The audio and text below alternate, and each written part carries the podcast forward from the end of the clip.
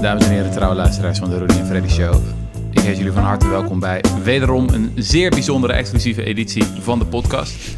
Uh, ik ben verbonden momenteel via de moderne technologie met niemand minder dan Jesse Frederik. Ja, hallo. Ja, in zijn mooie, schitterende condo-appartementje in Amsterdam. Ja. Uh, Jelmer, jij bent er ook. Geweldig. Ja, ik ben er. Jelmer Mommers. Uh, misschien wel de oudste, meest legendarische vriend van de podcast. Je bent al een tijdje niet geweest. Uh, dat heeft deels te maken met uh, de ernstige ziekte die je net hebt doorlopen. je had hem te pakken, of niet? Ja, ik had corona. Ja. Ja.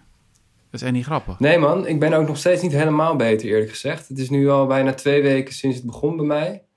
En we zitten al bijna drie weken in quarantaine hier thuis. Maar um, wel echt aan de beterende hand. En goed, de, de podcast belde en dan, dan kom je gewoon even uit je bed. Ja. zeker voor de, voor, de, voor de inhoud waar we het vandaag over gaan hebben. Maar uh, ik kan iedereen aanraden om, zolang die pandemie nog voortduurt, echt proberen om niet alsnog corona te krijgen. Want het is echt naar. Ja, ja die zit ook echt net op de valreep. Tenminste, zo voelt het dan. Ik bedoel, we zijn toch, zijn toch al bijna aan de beurt. Uh, maar goed, we zijn heel blij uh, dat je via, via de Skype alsnog met ons verbonden ben. Zeker omdat, uh, ja, we hebben natuurlijk wel wat uh, materiaal te bespreken, heet van de naald.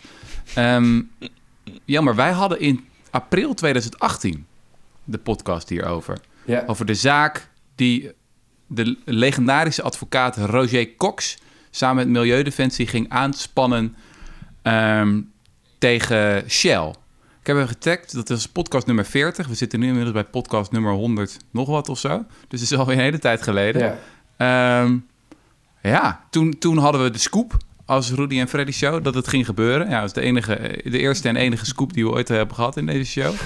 Um, maar gisteren was de uitspraak. We nemen op op uh, donderdagochtend, 27 mei. En gisteren was de uitspraak en ze hebben gewonnen. Ja, ongelooflijk hè?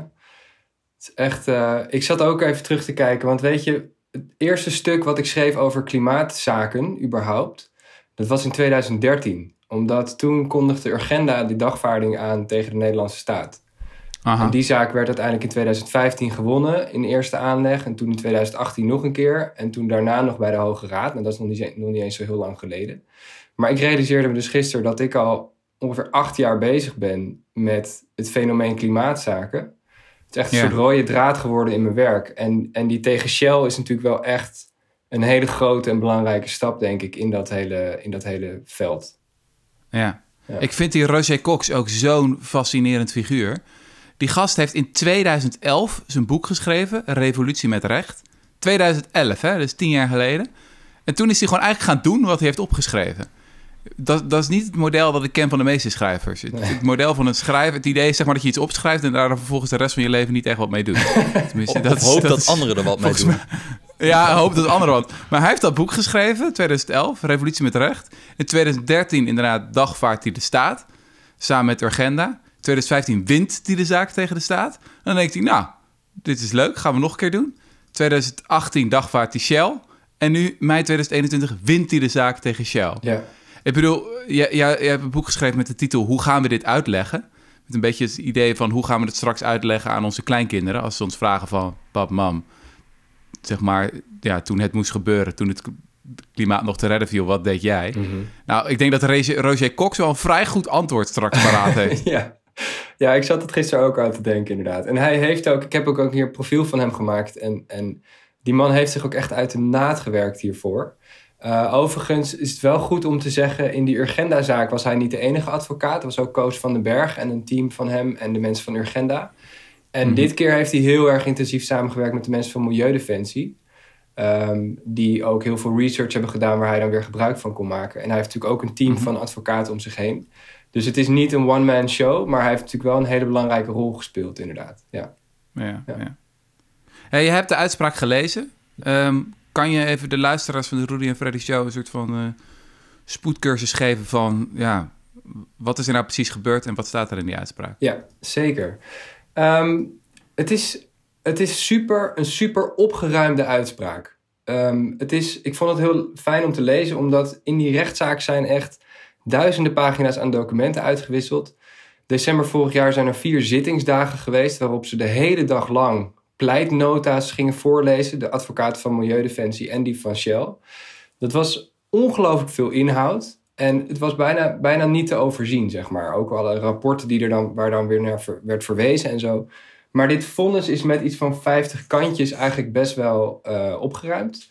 En ze hebben, de rechtbank heeft ook wel ehm, de meest elegante redenering opgeschreven die je kan gebruiken. Ze hadden het ingewikkelder kunnen maken, zeg maar, maar ze hebben het eigenlijk helemaal uitgekleed en tot de kern teruggebracht.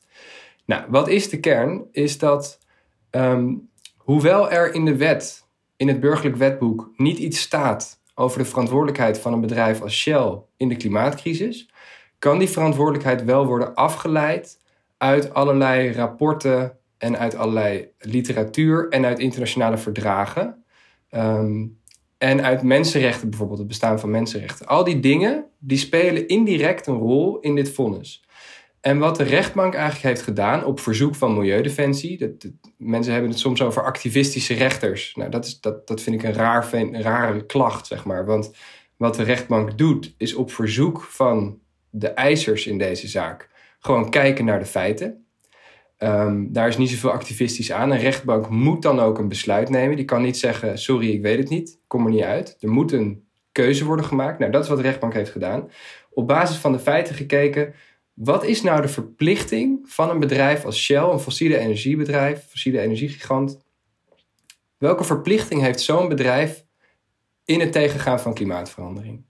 Nou, en dat blijkt, en dat is natuurlijk, daarin zijn de argumenten van Milieudefensie gevolgd overwegend, niet 100%, maar wel voor een heel groot deel. Het blijkt dat dat bedrijf hetzelfde moet doen als het IPCC voorschrijft voor de hele wereld. Het IPCC is het Klimaatbureau van de Verenigde Naties. Uh, die heeft gezegd dat als we uh, een redelijke kans willen houden, en dat is maar een kans van 50%, maar goed, dat is waar het op neerkomt. Een redelijke kans om de opwarming onder de anderhalve graad te houden, de wereldwijde opwarming, dan moeten de, de mondiale uitstoot in 2030 met 45% zijn gedaald. Dat is een bekend getal. En wat de rechtbank nu eigenlijk heeft gezegd, is dat Shell datzelfde getal, diezelfde reductie, ook moet realiseren voor 2030. Um, en daar is het misschien ook nog wel eh, belangrijk dat er ook wel een onderscheid is tussen verschillende vormen van emissies, toch? Bij zo'n bedrijf. Dus zij ja. het over die verschillende scopen van de emissies. Kun je dat ook uitleggen? Ja, je hebt, uh, dat is een beetje jargon, maar je hebt drie scopes. En dat zijn eigenlijk drie uh, ja, terreinen van waar je uitstoot bij een bedrijf kunt lokaliseren. Dus dat is voor elk bedrijf. De correspondent mhm. heeft ook uitstoot in drie scopes, maar Shell ook. Nou, hoe zit het bij Shell? Um, scope 1, dat zijn de directe emissies van het bedrijf. Dus bijvoorbeeld, Shell heeft ergens een boortoren, boort naar olie en fakkelt daarbij gas af. Daar komt methaan bij vrij. Uh, methaan is ook een broeikasgas. Dat zijn emissies die horen bij scope 1 van Shell. Daar heeft Shell direct controle over.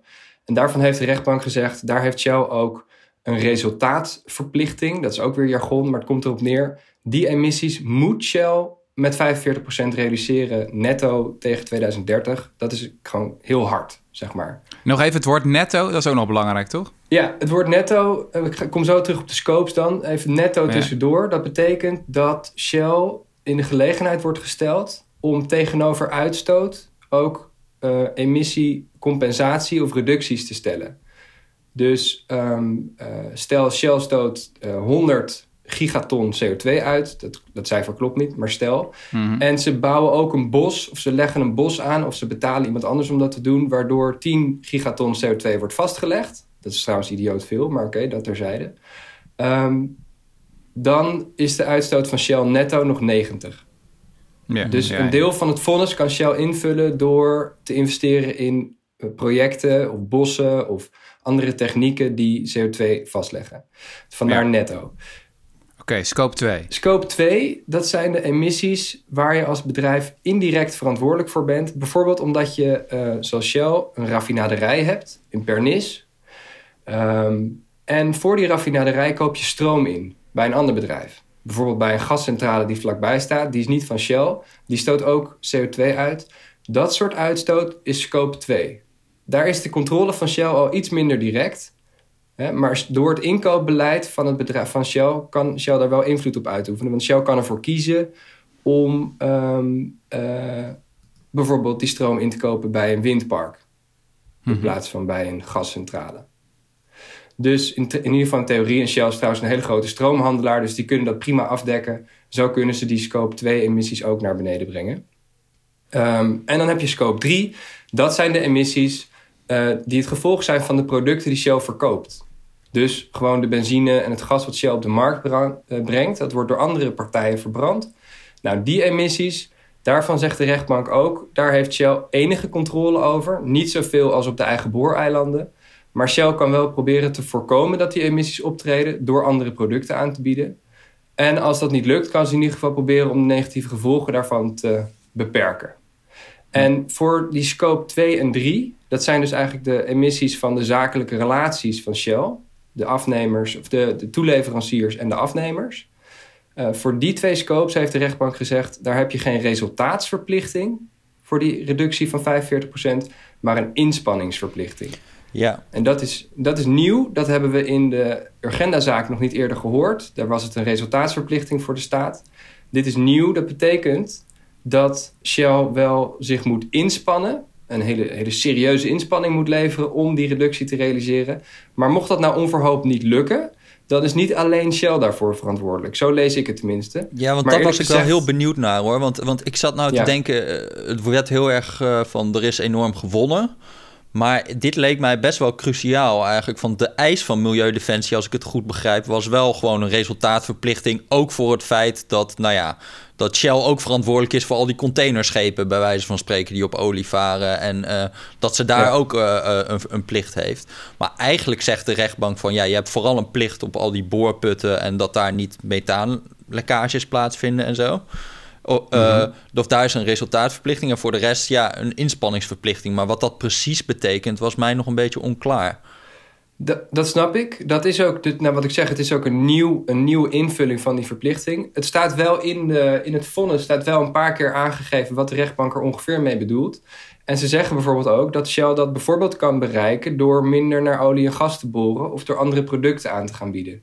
Dus het is wel degelijk heel serieus. Ze zeggen gewoon wel van ja, luister, uh, als jij um, ehm, 45% minder olie op de markt brengt, maar dat vervangt door uh, klimaatneutrale producten, energieproducten, dan voldoe je aan het vonnis. Dat is ook gewoon een soort van handreiking die de rechtbank erbij geeft. Maar de rechtbank zegt ook, het, het staat Shell vrij om te bepalen hoe het aan dit vonnis wil voldoen. Want is dus het nou zo dat de rechtbank ook zegt van in de huidige plannen van Shell doen ze nog niet aan die scope 2 en scope 3 verplichtingen? Dus dat, want dat, dat werd ook volgens mij gezegd van op dit moment is Shell nog niet in overtreding in dat vonnis. Nee, klopt, klopt. Het, waar het dus om gaat is de vraag die, die Milieudefensie eigenlijk stelde... was aan de rechtbank om het, uh, het beleid van Shell, het klimaatbeleid van Shell... dat in Den Haag wordt gemaakt en dat door 1100 dochterondernemingen wereldwijd wordt uitgevoerd... onrechtmatig te verklaren omdat het op een soort van uh, ramkoers zou liggen met het klimaatverdrag van Parijs. Mhm. Kort gezegd. Maar ehm, wat inderdaad de rechtbank heeft gezegd, is dat nog niet zeker is of het beleid van Shell tot 2030 onrechtmatig is. Want dat beleid is nog helemaal niet uitgekristalliseerd. Het is nog helemaal niet precies duidelijk wat Shell gaat doen.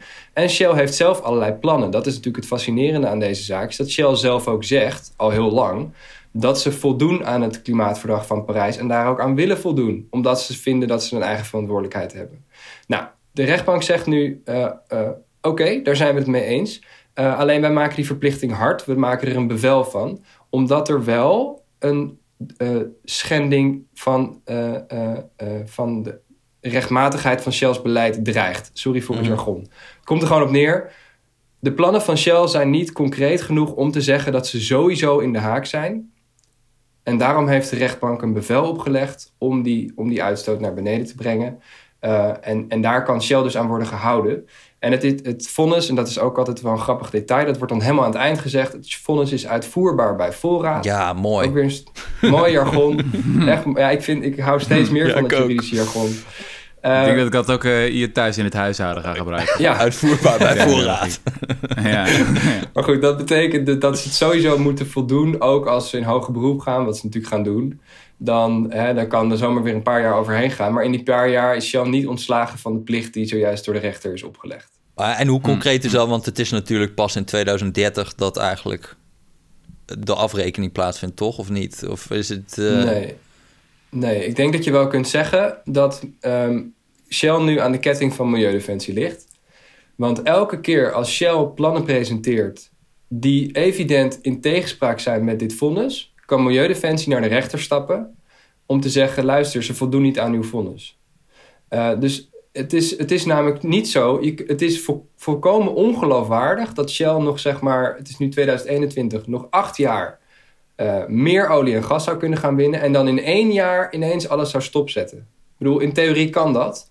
Maar als je, dat, als je die koers kiest, dan uh, uh, laat je niet echt, geef je niet echt blijk van dat je uitvoering geeft aan dit gerechtelijk bevel. Ja. Dus hm. er moet een soort reductiepad worden getoond, wat in overeenstemming is hiermee met, met wat er nu in dit bevel staat.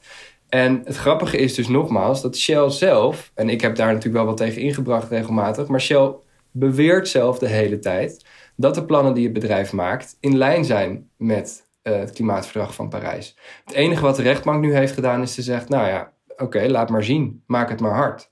Dus in die zin is het eigenlijk, vind ik het ook een heel elegant vonnis en ook helemaal niet heel buitennissig of zo.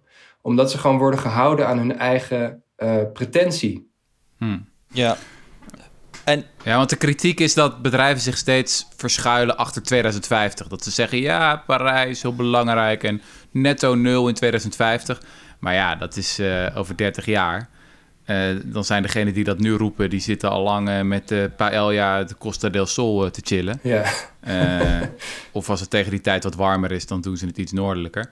Um, maar het is natuurlijk heel makkelijk om je te verschuilen achter verre doelstellingen. Ja. Terwijl 2030, dat is over negen jaar, dat is ja, natuurlijk veel dichterbij. Ja. Dan kan je veel duidelijker zien van oké, zijn ze echt in de juiste richting aan het bewegen. Absoluut. En het is ook zo, wat er goed aan is, is ook dat als we in 2030, en trouwens al ver voor 2030, niet die vermindering van uitstoot mondiaal hebben ingezet, dan gaan we die klimaatdoelen ook niet meer halen. Dat is ook zonneklaar. Dus je moet die reductie, die, moet, die had al moeten beginnen, maar die moet zeker op een hele korte termijn beginnen. Want anders houden die klimaatdoelen niet meer. Dus daarom is het ook goed dat er uh, in de eerste uh, uh, dagvaarding van Milieudefensie ging het nog over 2050.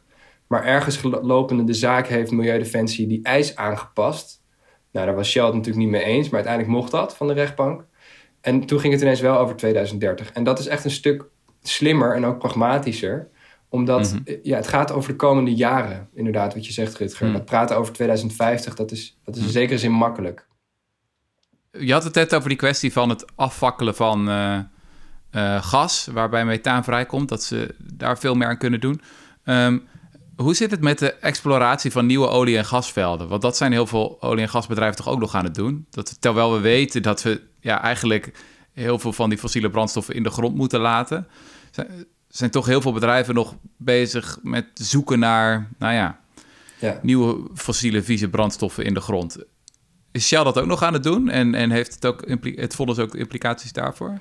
Ja, ik denk het wel. Ik denk dat alle westerse oliebedrijven uh, uh, al minder investeren in exploratie dan vroeger. Omdat ze ook begrijpen dat bijvoorbeeld door de opkomst van elektrische auto's op een gegeven moment die olievraag gaat dalen. Dat is eigenlijk ook wel duidelijk.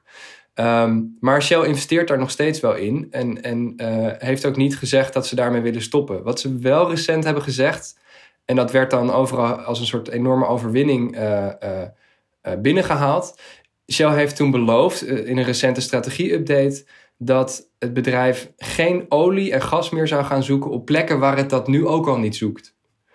Dat was New Frontier Exploration. En iedereen zei: Oh yes, hmm. ze gaan stoppen met de exploratie. Maar dat was helemaal niet wat ze hadden gezegd. Ze hadden gezegd: We gaan stoppen met exploratie op plekken waar we niet nu ook al actief zijn. Dat betekent dus dat Shell bijvoorbeeld in de diepzee bij Brazilië, waar het nu ook al olievelden heeft, gewoon ook door kan gaan met exploratie. Tenminste, dat was het van plan. Nou, wat heeft nou dit vonnis voor implicatie daarop? Uh, in feite is uh, volgens Shell zelf het overgrote deel van de reserves die dat bedrijf heeft, die worden in de komende 5 tot 10 jaar opgebruikt. Iets van 80% van de Shell-reserves zou in 2030 al zijn uitgeput. Dat betekent dus dat als zij nu stoppen met exploratie ehm, en gewoon de reserves die ze al hebben nog winnen, dan kunnen ze eigenlijk al voor een groot deel voldoen aan dit vonnis, omdat, omdat, die, omdat die reserves eigenlijk al vanzelf opraken. Dus inderdaad hmm. betekent het dat waarschijnlijk dat ze nog veel minder in exploratie moeten gaan investeren dan ze al deden. Ik geloof niet dat het per se betekent ook dat ze voorraden in de grond moeten gaan laten zitten.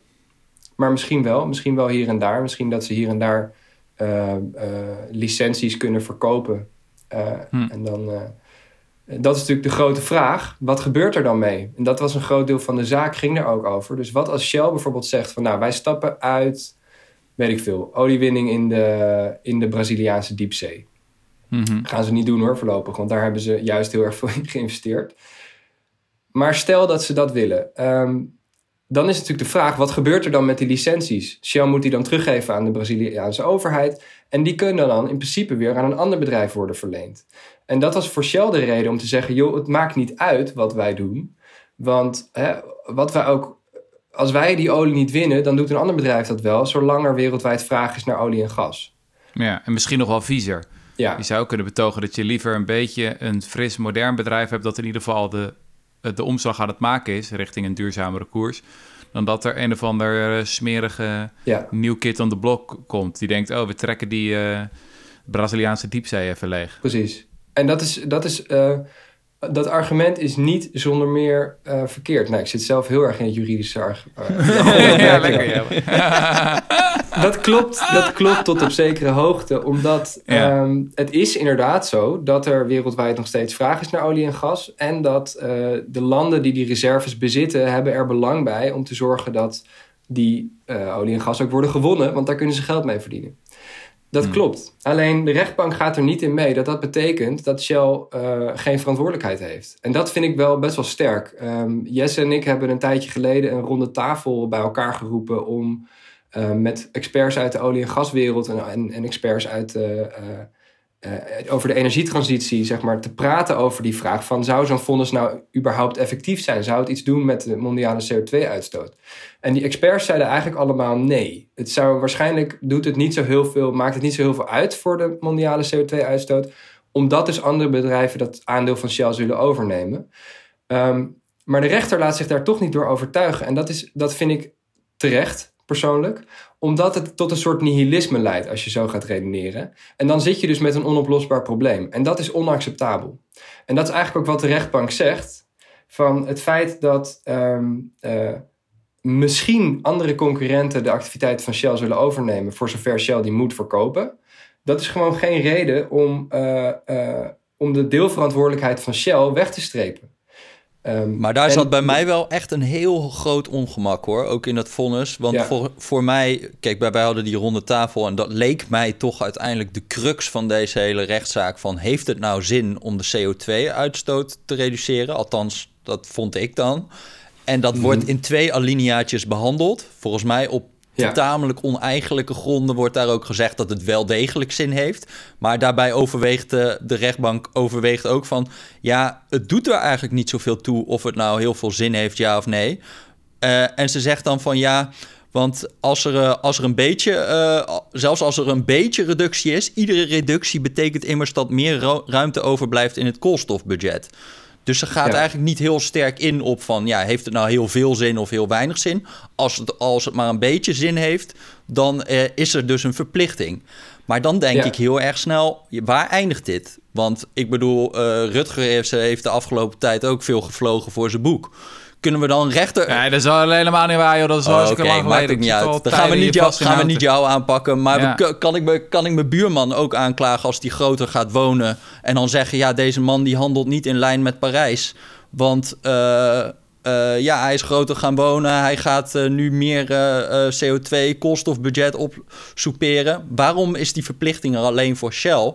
En gaan we dan, kunnen we dan mhm. straks allemaal elkaar gaan aanklagen... omdat we een klein beetje koolstofbudget opsoeperen? En dat is mijn tweede ongemak erin. Het is een uniforme verplichting. Dus we zeggen tegen Shell, je moet 45% reduceren. Maar zelfs het IEA, of het Internationaal Energieagentschap... verwacht dat uh, er gewoon nog olie gebruikt gaat worden. Dat wordt helemaal geen daling van 45%. De gasconsumptie gaat ook alleen maar omhoog tot 2030. Uh, dus, er gaat, ja, dus de, waarom moet Shell dan uh, uh, 45% reduceren als het wereldwijd de vraag helemaal niet zoveel gaat dalen? Ja, en Jesse, volgens mij zegt het IEA ook van de reductie komt vooral van kolen, toch? Het is, het is vooral belangrijk dat we kolen uitfaseren. En daar kunnen we een enorme slag mee slaan tot 2030. Maar het is niet eh, misschien verstandig om die generieke eis van 45% op te leggen ook aan olie. Nee, maar het, het wordt een rare wereld als die generieke eis voor iedereen geldt. Want het is een gemiddelde. Snap je? Dus het is heel raar dat, dat er, zullen, er zullen ongetwijfeld een energietransitie zijn. Bedrijven die veel later pas uh, uh, die reductie realiseren. Ik bedoel, we gaan nu niet. Of kunnen we ook de cementindustrie gaan aanpakken straks en zeggen: je moet voor 2030 45% reduceren? Dat is gewoon technisch onmogelijk. Nou ja, uh, oké een hoop verschillende argumenten in korte tijd. Maar volgens om even op die laatste te reageren. Ja, dat is yes hoor. Die Rudy en Freddy podcast, dat is yes eenmaal. Dan krijg je zoveel... Uh, ja. ja. nee, maar neem de tijd. Nou ja, even die laatste van het is een uniforme verplichting. De rechtbank motiveert wel waarom ze die 45% van toepassing vinden op Shell. En dat is namelijk omdat Shell een hele grote veroorzaker is van CO2-uitstoot. Het is een, een bedrijf dat meer uitstoot veroorzaakt dan de Nederlandse staat. Meer dan heel veel landen. Um, Met scope 3 emissies, hè? Dus laten we eerlijk zijn, dus als toegerekende emissies van bijvoorbeeld containerschepen die hier al onze spulletjes komen brengen. Ja, nee, nee ik, zie, ik zie het probleem, maar weet je wat het is? Maar goed, daar, oké, dat is weer een ander punt. Want waar je dan naar refereert, is dat, oké, onze spulletjes worden er gebracht, wij stappen in de auto. Is dat allemaal Shell's schuld? Nee. Maar dat zegt de rechtbank ook niet. Want Shell's, de rechtbank zegt ook, u heeft een inspanningsverplichting om die uitstoot te verminderen. En weet je wat het grappige is? Dat vindt Shell zelf ook. Dus in het beleid van Shell zit al, zelfs zit erin vervat, dat Shell wil samenwerken met sectoren zoals de containerscheepvaart en de luchtvaart, om de uitstoot van die sectoren naar beneden te brengen. Dat is het plan van Shell. Nou ja, de rechtbank zegt nu inderdaad, dat moet door samenwerking tot stand worden gebracht. En u heeft daar een inspanningsverplichting. Dat is eigenlijk precies wat Shell in het eigen klimaatbeleid zegt te willen. Nou, prima. Maar dan de vraag van waarom zou je die, die uniforme wereldwijde verplichting op een fossiel energiebedrijf toepassen? Nou ja, omdat dus juist die fossiele energiebedrijven, die schenden die verplichting. Want die halen meer koolstof uit de grond dan in het koolstofbudget past. Maar dat doen wij, dat dus doen wij allemaal. Eh, elke, keer, elke keer als iemand niet in lijn met die 45%. Laat ik het hypothetisch vragen. Stel inderdaad dat je buurman groter gaat wonen en niet in lijn met Parijs handelt. Vind je dat we hem mogen aanklagen? Of is er een bepaald kwantitatief uh, ding van als het groot genoeg is, dan pas mogen we het doen? Ja, ja dat, is, dat laatste, dat is zo, ja. Het is, het is, um, er is dus, niemand heeft nog precies gezegd, ook de Hoge Raad in de agenda niet, en ook nu in dit uh, vonnis staat niet hoeveel procent van de wereldwijde uitstoot jij direct of indirect moet veroorzaken om aansprakelijk te kunnen worden gesteld.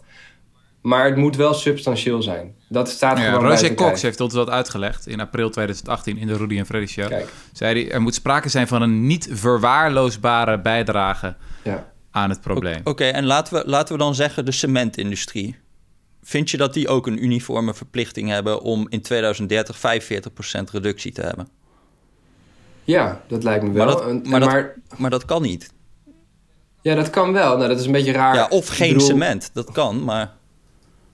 Nee, maar, jouw punt hier, Jesse, is dat we, gewoon nog niet weten hoe we duurzaam cement kunnen maken.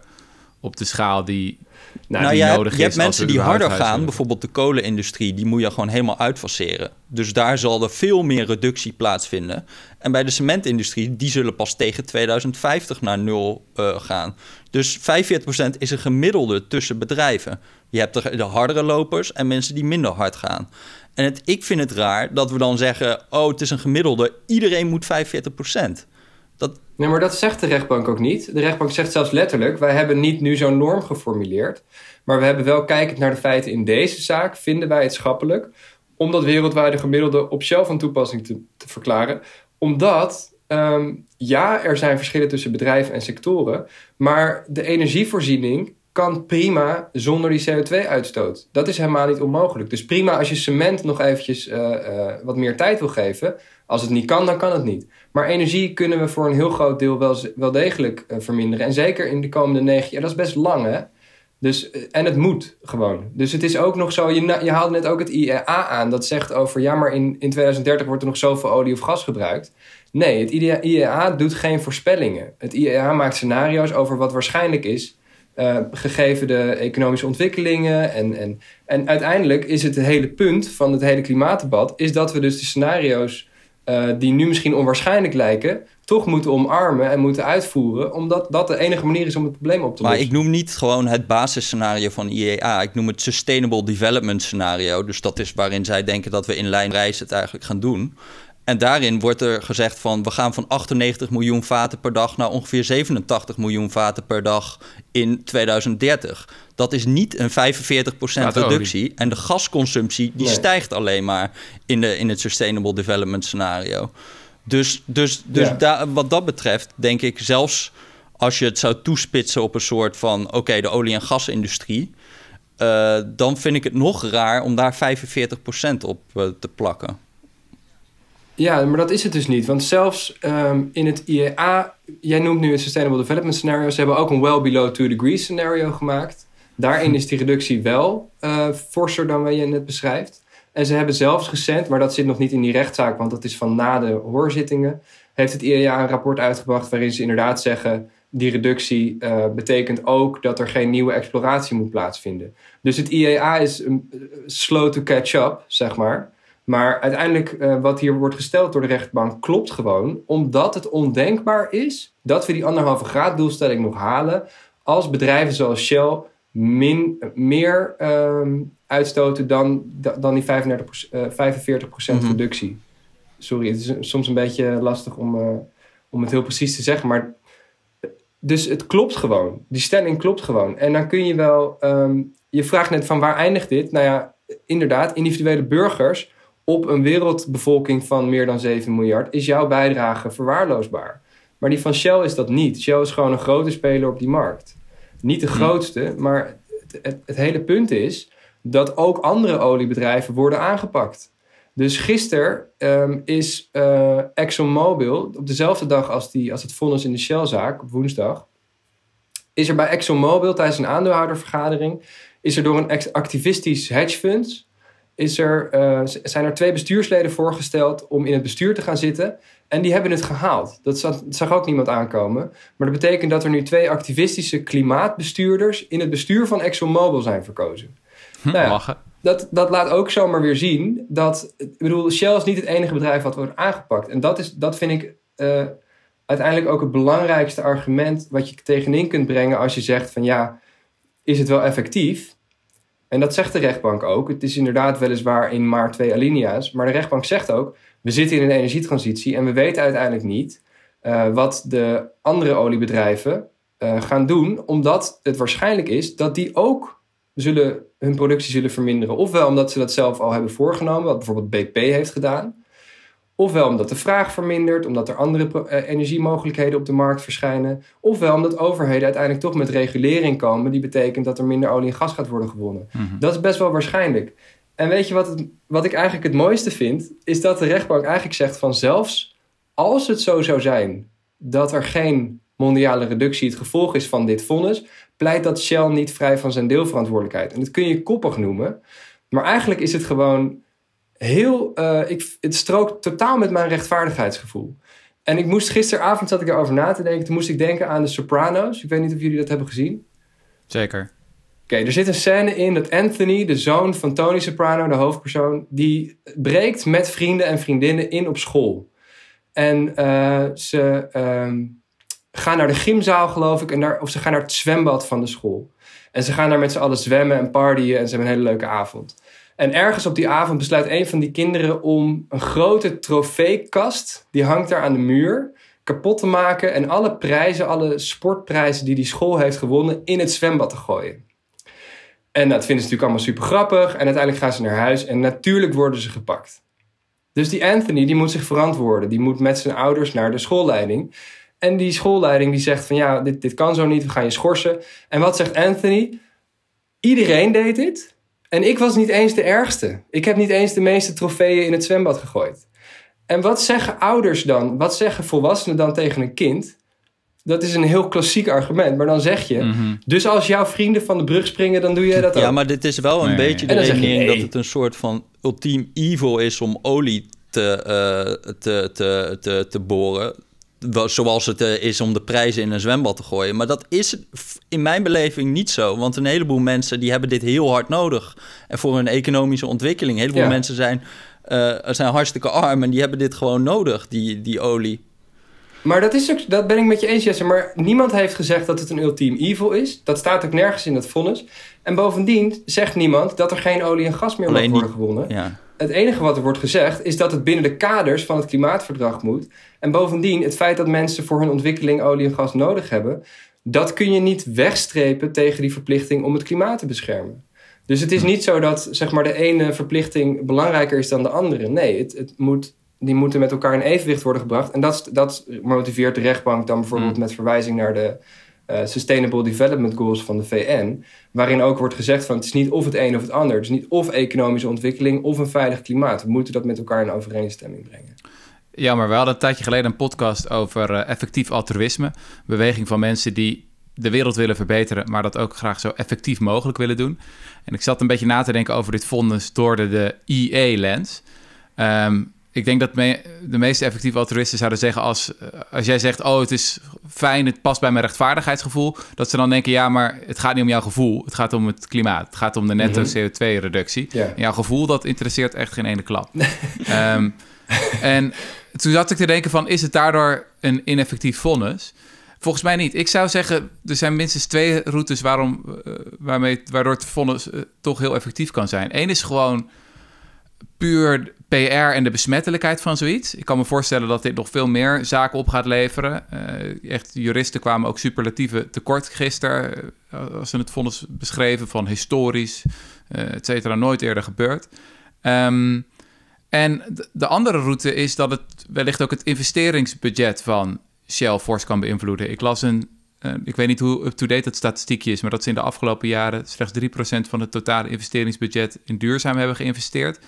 Nou, ik kan me voorstellen dat dat fors omhoog gaat. Eh, nou, het is toch een gigantisch bedrijf met eh, ja, een, investeringsbudget budget dat uit miljarden bestaat. Als dat wordt geïnvesteerd in duurzame innovaties, Mhm. en Jesse zei net het ook terecht dat sommige dingen kunnen we gewoon nog niet. Dus bijvoorbeeld duurzaam cement maken of nou ja, duurzaam staal hebben we het ook eerder over de, in de podcast over gehad. Ja, klimaatactivisten zeggen graag dat we alle technologieën al hebben. Sorry, dat is echt nog niet zo. Ehm, we moeten echt nog wel eh, een paar grote Ja. Je kan eh, ook bouwen stappen maken. en dan is ja. het fijn als zo'n groot bedrijf als Shell, ehm, die nu gewoon centen hebben, weet je wel, die, die nu die macht hebben om te gaan investeren, eigenlijk worden gedwongen om dat te gaan doen. Absoluut. Dus ik kan me ook Ja. voorstellen dat er andere routes zijn waardoor dit vonnis toch een vrij grote invloed zal hebben, los van eh, die, die, die, die simpele CO2-reductieverplichting. Ja, zeker. Nou, en trouwens even over dat bouwen, dat hebben we nu een paar keer herhaald. Er zijn wel degelijk manieren om, om cement minder eh, vervuilend te maken dan nu gebeurt. Eh, dus je kunt er al wel wat reduceren. En je kunt ook bouwen Mhm. met andere dingen dan met cement. Bijvoorbeeld met hout. Ehm, wat best wel een goede manier is om CO2 op te slaan in een gebouw. Dus dat is ook, weet je, het is ook een beetje... We moeten denk ik wel af eh, van het idee dat, dat, dat dingen niet kunnen. Uiteindelijk komt het er gewoon... Het is gewoon ontzettend complex. En dat vind ik precies het, het elegante aan dit vonnis. Is dat, er ook, dat wordt ook erkend. Dus eh, ik hoorde vanochtend op de radio iemand zeggen... Oh, Shell wordt nu als de grote boeman neergezet. En denk ik, ja, je hebt het vonnis dus niet gelezen. Je hebt ook die, die uitspraak van de rechtbank niet gezien. Want er wordt de hele tijd erkend dat iedereen een rol heeft. En dat we moeten kijken, wat is nou ieders deelverantwoordelijkheid? En, ehm, nou ja, en, en wat ik ook nog wel belangrijk vind... ik vind dat, dat puur, ehm, puur die reductieverplichting... En, en hoeveel uitstoot dat nou gaat schelen... vind ik ook nog wel belangrijk wat daar wordt gezegd door de rechtbank. Want de rechtbank zegt, zelfs als het een kleine absolute vermindering... van de totale mondiale uitstoot veroorzaakt, dit vonnis... is dat de moeite waard. En ook dat is waar. Ik bedoel, dat, dat klopt gewoon. Want we hebben een, een wereldwijd koolstofbudget... En alles wat niet door eh, ons wordt opgebruikt of niet door Shell's eh, bedrijfsactiviteiten op de markt komt, dat scheelt uitstoot. En dat geeft ons iets meer tijd om bijvoorbeeld zo'n cementsector op te schonen. En dan kun je wel zeggen, ja, maar we moeten eerst kolen eh, aanpakken bijvoorbeeld. Maar uiteindelijk is het zo van als we kolen aanpakken, maar olie en gas nu nog loslaten, dan halen we het weer niet. Dus je moet alle sectoren aanpakken tegelijkertijd. Dus ook dat vind ik best wel sluitende logica. Uh, en ook pragmatisch trouwens. Dus in die zin is het, het gaat niet alleen maar als we dat Roger Cox criterium van het moet een hm. niet te verwaarlozen bijdrage zijn. Kijk, voor over die scope 1 emissies zijn we het denk ik allemaal eh, wel eens.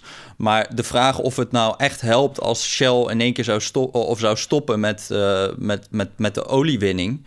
Ja, wij, wij zaten met die ronde tafel met experts en daar werden toch wel zeer. Ja, iedereen was het er wel over eens dat dat dus niet zou helpen. En dat, dat heeft het denk ik ook wel. Ik, ik, wat, wat mij wel opviel was dat gewoon überhaupt de, het aandeel van Shell in de uh, ja, mondiale reserves is 0,25 procent. Uh, van de productie was het geloof ik 2 procent. En we hebben heel vaak gezien, wat, nou dat werd aangedragen door Shell, maar dat is denk ik wel waar, dat er behoorlijke verstoringen zijn geweest in het olieaanbod. dus dat er in één keer een heel groot gedeelte van het olieaanbod wegviel. Je had die Iran-revolutie. Dat is 1979, dat was 6% van het olieaanbod viel weg. Inval van Kuwait, 5% viel weg. Oekraïne-crisis, dat was dan het gasaanbod, 25% viel weg. En al die dingen werden heel snel opgevangen door de markt eigenlijk. Er kwam heel snel, gingen andere producenten bijspringen. En dat is volgens mij ook niet zo gek, want je hebt, je hebt, je hebt reserves die ongeveer 50 jaar de mondiale productie zijn op dit moment. Dus als Shell uh, zeg maar 45% moet terugschroeven tot 2030. Dat is niet eens een hele plotselinge reductie, maar dat kan iedereen anticiperen. Ja, dan zul je waarschijnlijk zien dat andere uh, uh, landen dan gewoon een beetje gaan bijschroeven. En dat is, ja, ik, ik, ik, ik denk dat dat dan kan je zeggen van ja, iedereen die gaat als Nigeria, als Shell zegt hier heb je al je vergunningen terug tegen Nigeria, dat Nigeria dan zegt oh dankjewel, nou laat maar dan. Dan gaan we deze vergunningen niet meer uh, veilen. Maar ja, dat, ja, sorry, dat denk ik toch ook echt niet. Toch? Die, uh, dus... Nee, dat ben ik met je eens. Maar niet ieder land is Nigeria. En dat is een beetje het punt. Er zijn ook landen die wel degelijk zelf klimaatbeleid hebben. Uh, en in al die landen is er ook weerstand tegen nieuwe olie- en gaswinning. Dus je moet het volgens mij ietsje breder bekijken dan alleen van um, uh, wat gebeurt er met die vergunningen nu of wat is daar in het verleden gebeurd op die markt. Je moet, je moet het volgens mij zien in de context van die mondiale klimaatdoelen. En dus ook dat andere bedrijven ook worden aangepakt. Um, of het nou is via, de, via activistische aandeelhouders, of omdat er uh, buiten voor het kantoor activisten staan die dingen eisen en daarmee uh, bepaalde dingen mogelijk maken die eerder ondenkbaar werden gedacht. En, of het is door rechtszaken. En, en er zullen meer rechtszaken volgen zoals deze. Ehm, en ook zelfs als niet alle oliebedrijven, en zeker niet alle westerse oliebedrijven, op dezelfde manier worden veroordeeld als Shell. Ehm, dan nog zullen, is dit een teken aan investeerders, aan pensioenfondsen, uh, aan risicoanalisten, dat die sector op zijn retour is. Dat wist iedereen al, maar dat wordt hierdoor bevestigd. Want de rechtbank zegt gewoon, ja, er is gewoon een mondiale norm over wat er moet gebeuren. En het bedrijf. Maar, maar denk je dat Rosneft en Saudi dus Aramco. Dus dat die nou kijken naar. Goh, wat uh, de Nederlandse rechtbank nu doet. Wij gaan eens ons eens even achter de oren krabben. Ja. Nee, nee, nee, nee, nee. Maar via, bij hun moet je, dus, moet je dus vertrouwen op indirecte gevolgen. En dat heeft, ik bedoel, westers activisme heeft niet heel veel invloed op die bedrijven. Dat begrijp ik ook wel. Maar uiteindelijk, um, uh, je moet ergens beginnen. En en dat is gewoon zo, zo simpel is het. En je moet ergens beginnen en je moet uh, ook indirecte gevolgen willen zien. En je moet het willen zien in de context van waar we zijn. En dat is dat we in een energietransitie zitten, waarin het ook in het belang is van een bedrijf als Shell om voorop te lopen. Want als je als laatste nog die olie aan het winnen bent, terwijl de rest van de wereld al in, in andere technieken zit, dan ben je op een gegeven moment gewoon irrelevant.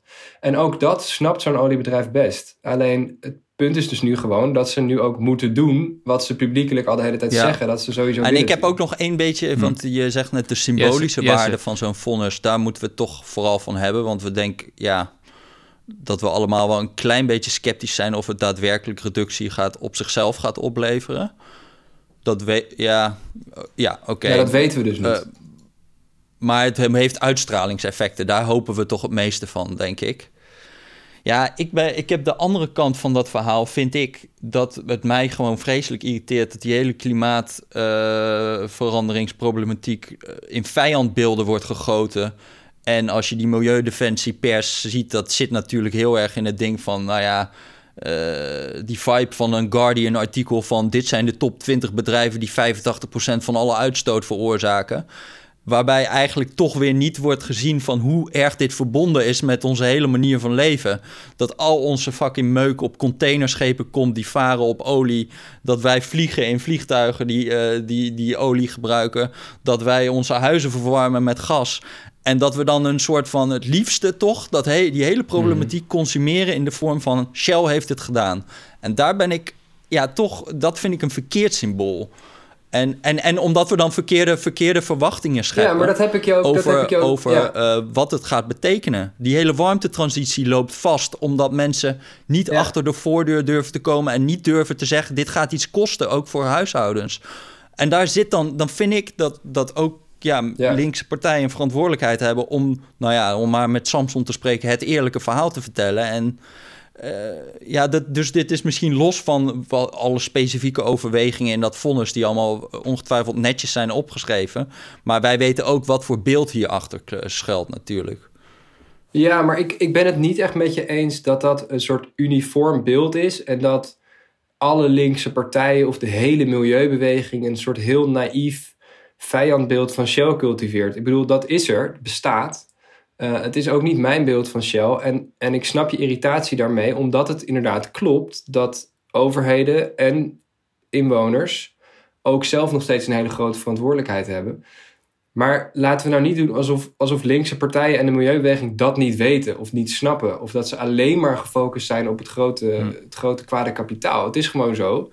Uh, juist de mensen ook bijvoorbeeld, er waren 17.000 mede-eisers in deze zaak ik denk niet dat wat jij net zegt, Jesse, over ja, uh, we vliegen gewoon lekker veel en uh, uh, we, we, rijden net zoveel als we willen in de auto. Dat geldt denk ik niet voor die mensen. Dit zijn natuurlijk niet mensen die zelf het hele klimaat aan hun laars lappen en vervolgens Shell gaan zitten aanklagen. Nee, dat zijn gewoon waarschijnlijk mensen die, die de ernst van de situatie inzien, die zelf een bijdrage leveren individueel, maar ook begrijpen dat dat niet genoeg is en dat er ook iets moet gebeuren bij zo'n bedrijf. Dus ik, ik zou het meer zien in die eerlijke verdeling van verantwoordelijkheden. En inderdaad, een soort van naïeve retoriek over dat Shell het kwaad uh, vertegenwoordigt. Dat is, of, of olie en gas, for that matter. Dat is inderdaad niet verstandig. Dat vind ik ook geen goede ontwikkeling in het klimaatdebat. Maar ik vind, ik vind ook wel meevallen hoe erg dat nou precies gebeurt. Jij, jij, ik heb je dit vaker horen zeggen dat je vindt dat het te plat wordt geslagen of te simplistisch. Maar Nee, maar, maar bijvoorbeeld, nou die, die krijgt dan die discussies over de energierekening eerlijk verdelen. En, en wij zijn toch in Nederland heel veel discussie aan het voeren over dat al die grote bedrijven maar eens aangepakt moeten worden. Ja, het hele beleid over grote bedrijven, daar is Europees beleid voor. In feite, die vallen allemaal onder ETS. Daar kan je nog wel wat doen als nationale overheid. Maar ETS is het emissiehandelssysteem, ja, yes, dingen, Oh, sorry. En dingen waar wij zelf voor verantwoordelijk zijn, zoals die warmtetransitie. Nou, daar, nou ja, volgens mij is er nu weer, uh, weer vertraging in opgelopen door de Tweede Kamer. En de hoeveelheid discussie daarover, ja, die is. Ik, ik denk dat daar gewoon een veel onaangenamer verhaal valt te vertellen. En dat, dat, je, dat je ziet dat, dat, dat GroenLinks en zo ook dat niet graag willen vertellen. Van het gaat jullie ook geld kosten. Zij zijn ook voor allerlei beleid van we willen dat de energierekening voor mensen omlaag gaat, maar dat het toch uh, allemaal groener wordt. Ja, dan, dan denk ik ja, Hoezo omlaag? nou ja, omdat uiteindelijk uh, de verwachting is dat het hele energiesysteem, als het draait op, op duurzame energiebronnen, uh, goedkoper is dan nu.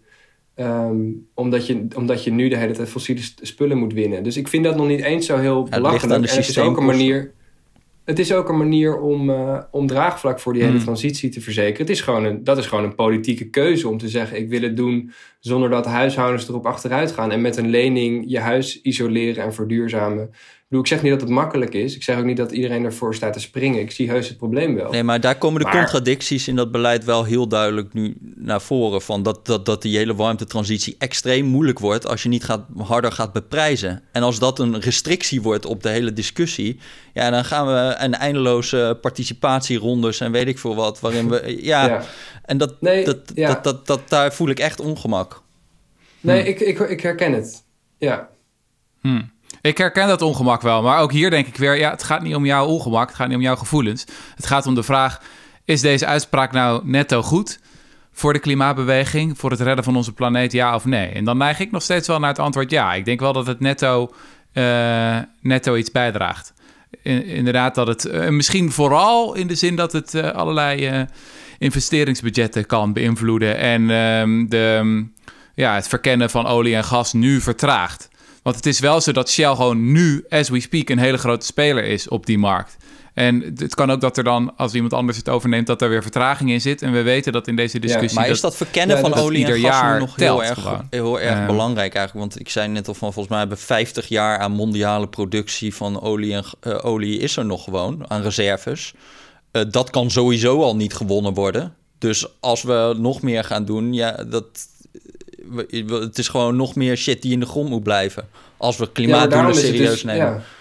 Nee, maar daarom is zo'n vonnis dus zo hmm. goed. Omdat dat dus uh, uiteindelijk een harde grens stelt... aan hoeveel exploratie zo'n bedrijf nog kan gaan doen. Um, en het zou heel goed kunnen dus dat zelfs zonder verdere rechtszaken... ook de investeerders van andere oliebedrijven zeggen... ja, sorry hoor, Total en BP en, en uh, uh, Repsol... of welk bedrijf je ook verzint, Eni... je moet gewoon je moet minder, minder gaan exploreren... want wij zien gewoon uiteindelijk geen afzetmarkt meer daarvoor... En dat wordt door dit vonnis bevestigd. En één ding wat denk ik ook nog wel goed is om te benadrukken. Ehm, die stukken uit, uit dit soort rechtszaken zijn heel goed om te lezen als je een soort bazaal gevoel wil hebben over hoe het klimaatprobleem in elkaar steekt en hoe ernstig het is. En uiteindelijk zijn ook die vonnissen die worden gewezen, ook de Hoge Raad in die agendazaak, die gaan echt niet over één nacht ijs. Die, die, die sluiten zich uiteindelijk aan bij het argument dat klimaatverandering moet worden tegengegaan door overheden en door bedrijven omdat het probleem zo ongelooflijk serieus en zo groot is. En dat geeft de doorslag. Dus het is ook, kijk, als het om een kleiner probleem ging, of om iets wat minder ernstige schendingen van mensenrechten zou veroorzaken, want daar gaat het ook over in die zaak, dat als je klimaatverandering op zijn beloop laat, dan gaat dat uiteindelijk mensenrechten schendingen opleveren voor Nederlanders. Daar gaat het in deze zaak over. Um, ik bedoel, dat soort, dat soort argumenten geven de doorslag. Die leggen heel veel gewicht in de schaal. En daarom maakt zo'n argument over de effectiviteit uh, maakt per saldo iets minder uit, omdat wat er op het spel staat zo ontzettend zwaarwegend is. En dus eigenlijk zegt de rechter: we moeten alles proberen. We have to give this our all. Ja, maar dat is dat, gewoon. Dat, dat, dat, dat, dat, is toch wel, dat is toch wel. Kijk, er is alleen sprake hmm. van mensenrechten schending. als er inderdaad sprake is van een effectief beleid. door die productiebeperking op te leggen. Dus, dus dat veronderstelt heel erg dat het helpt om dit vonnis op te leggen, toch? En dat vind ik dus vervelend ook in die uitspraak. Dat daar twee alinea's aan worden geweten. Aan dat hele probleem. Is het effectief? En dat voor de rest, ja, je hebt heel veel tekst eromheen. Maar dat is de crux voor hmm. mij. En mag ik daar ook nog even iets over zeggen? Want zij citeren dan op een gegeven moment één studie. waarin ze zeggen er is een causale relatie tussen productiebeperkingen en emissieverlaging. Ja, en als je die studie leest, dat, is, dat kun je er totaal niet uithalen op die manier. Het is, het is een onderzoek dat gaat naar over een situatie waarin de Verenigde Staten geen olievergunningen meer zou afgeven.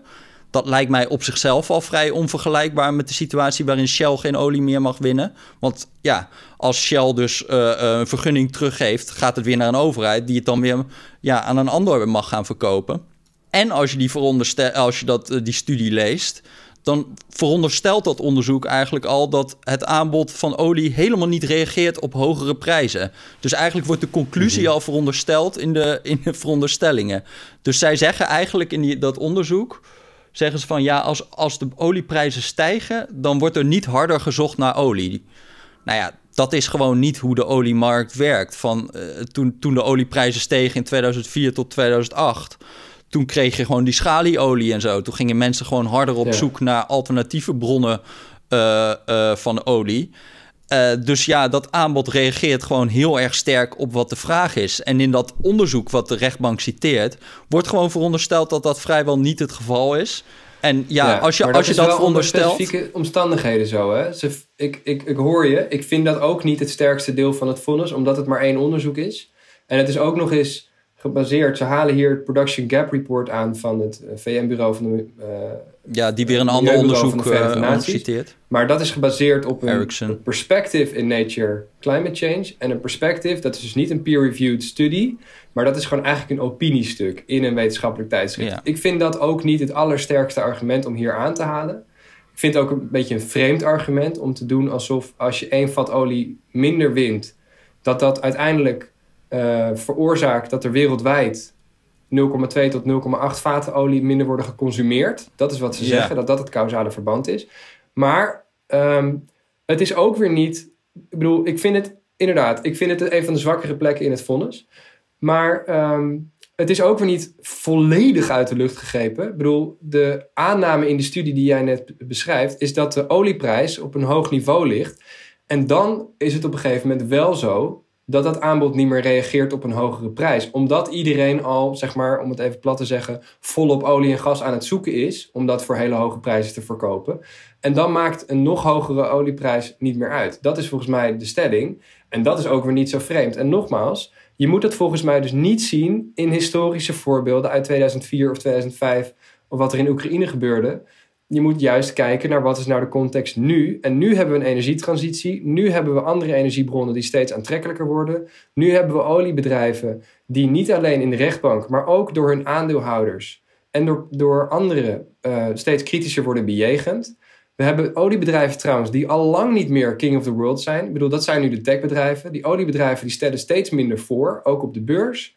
Dus het is gewoon, dat tijdperk komt ten einde. En dan, om dan steeds te zeggen, um, ja, maar we weten uit, uit zeg maar het functioneren van de oliemarkt uit het verleden dat dingen niet uitmaken. Ik denk gewoon dat dat type argument niet meer geldig is. Of dat je in ieder geval twijfel moet toelaten, omdat je het gewoon niet zeker weet hoe het verder gaat. En het hele punt is dus, daar nogmaals, dat zwaarwegende probleem. We weten wel zeker wat er gebeurt als we die olie- en gasproductie gewoon op zijn beloop laten. Dus inderdaad, we moeten alles proberen en elke reductie doet ertoe. Dat is het hele punt. Dat is waarom we met z'n allen dit probleem uh, uh, zo belangrijk vinden, omdat we weten wat er op het spel staat. Maar misschien zit ook mijn. De oh, wat? Heren. Waarom? Heren, heren, heren. Het is tijd oh. voor het oordeel van de deugddominee. Ja, ik heb ook nog andere dingen te doen vandaag. Volgens mij kunnen jullie nog een eeuwigheid doorgaan. Dus ik dacht, het is tijd voor het oordeel van de deugddominee. ik heb naar jullie geluisterd. Meneer is ook een rechter. Uh, ik, heb, ik, heb, ik heb de argumenten van, iets, uh... van allebei de kanten gehoord. En uh, luister naar hier komt mijn analyse. Waar deze discussie me heel erg aan doet denken... is het boek van Albert Hirschman een econoom die in 1991 een boek schreef dat heet The Rhetoric of Reaction. En daarin beschrijft hij zowel reactionaire als progressieve argumenteerstijlen. Um, een groot deel van het boek gaat over reactionaire argumenteerstijlen, waar hij dus kritisch over is. En dan onderscheidt hij eigenlijk drie varianten. Eén is de perversity thesis.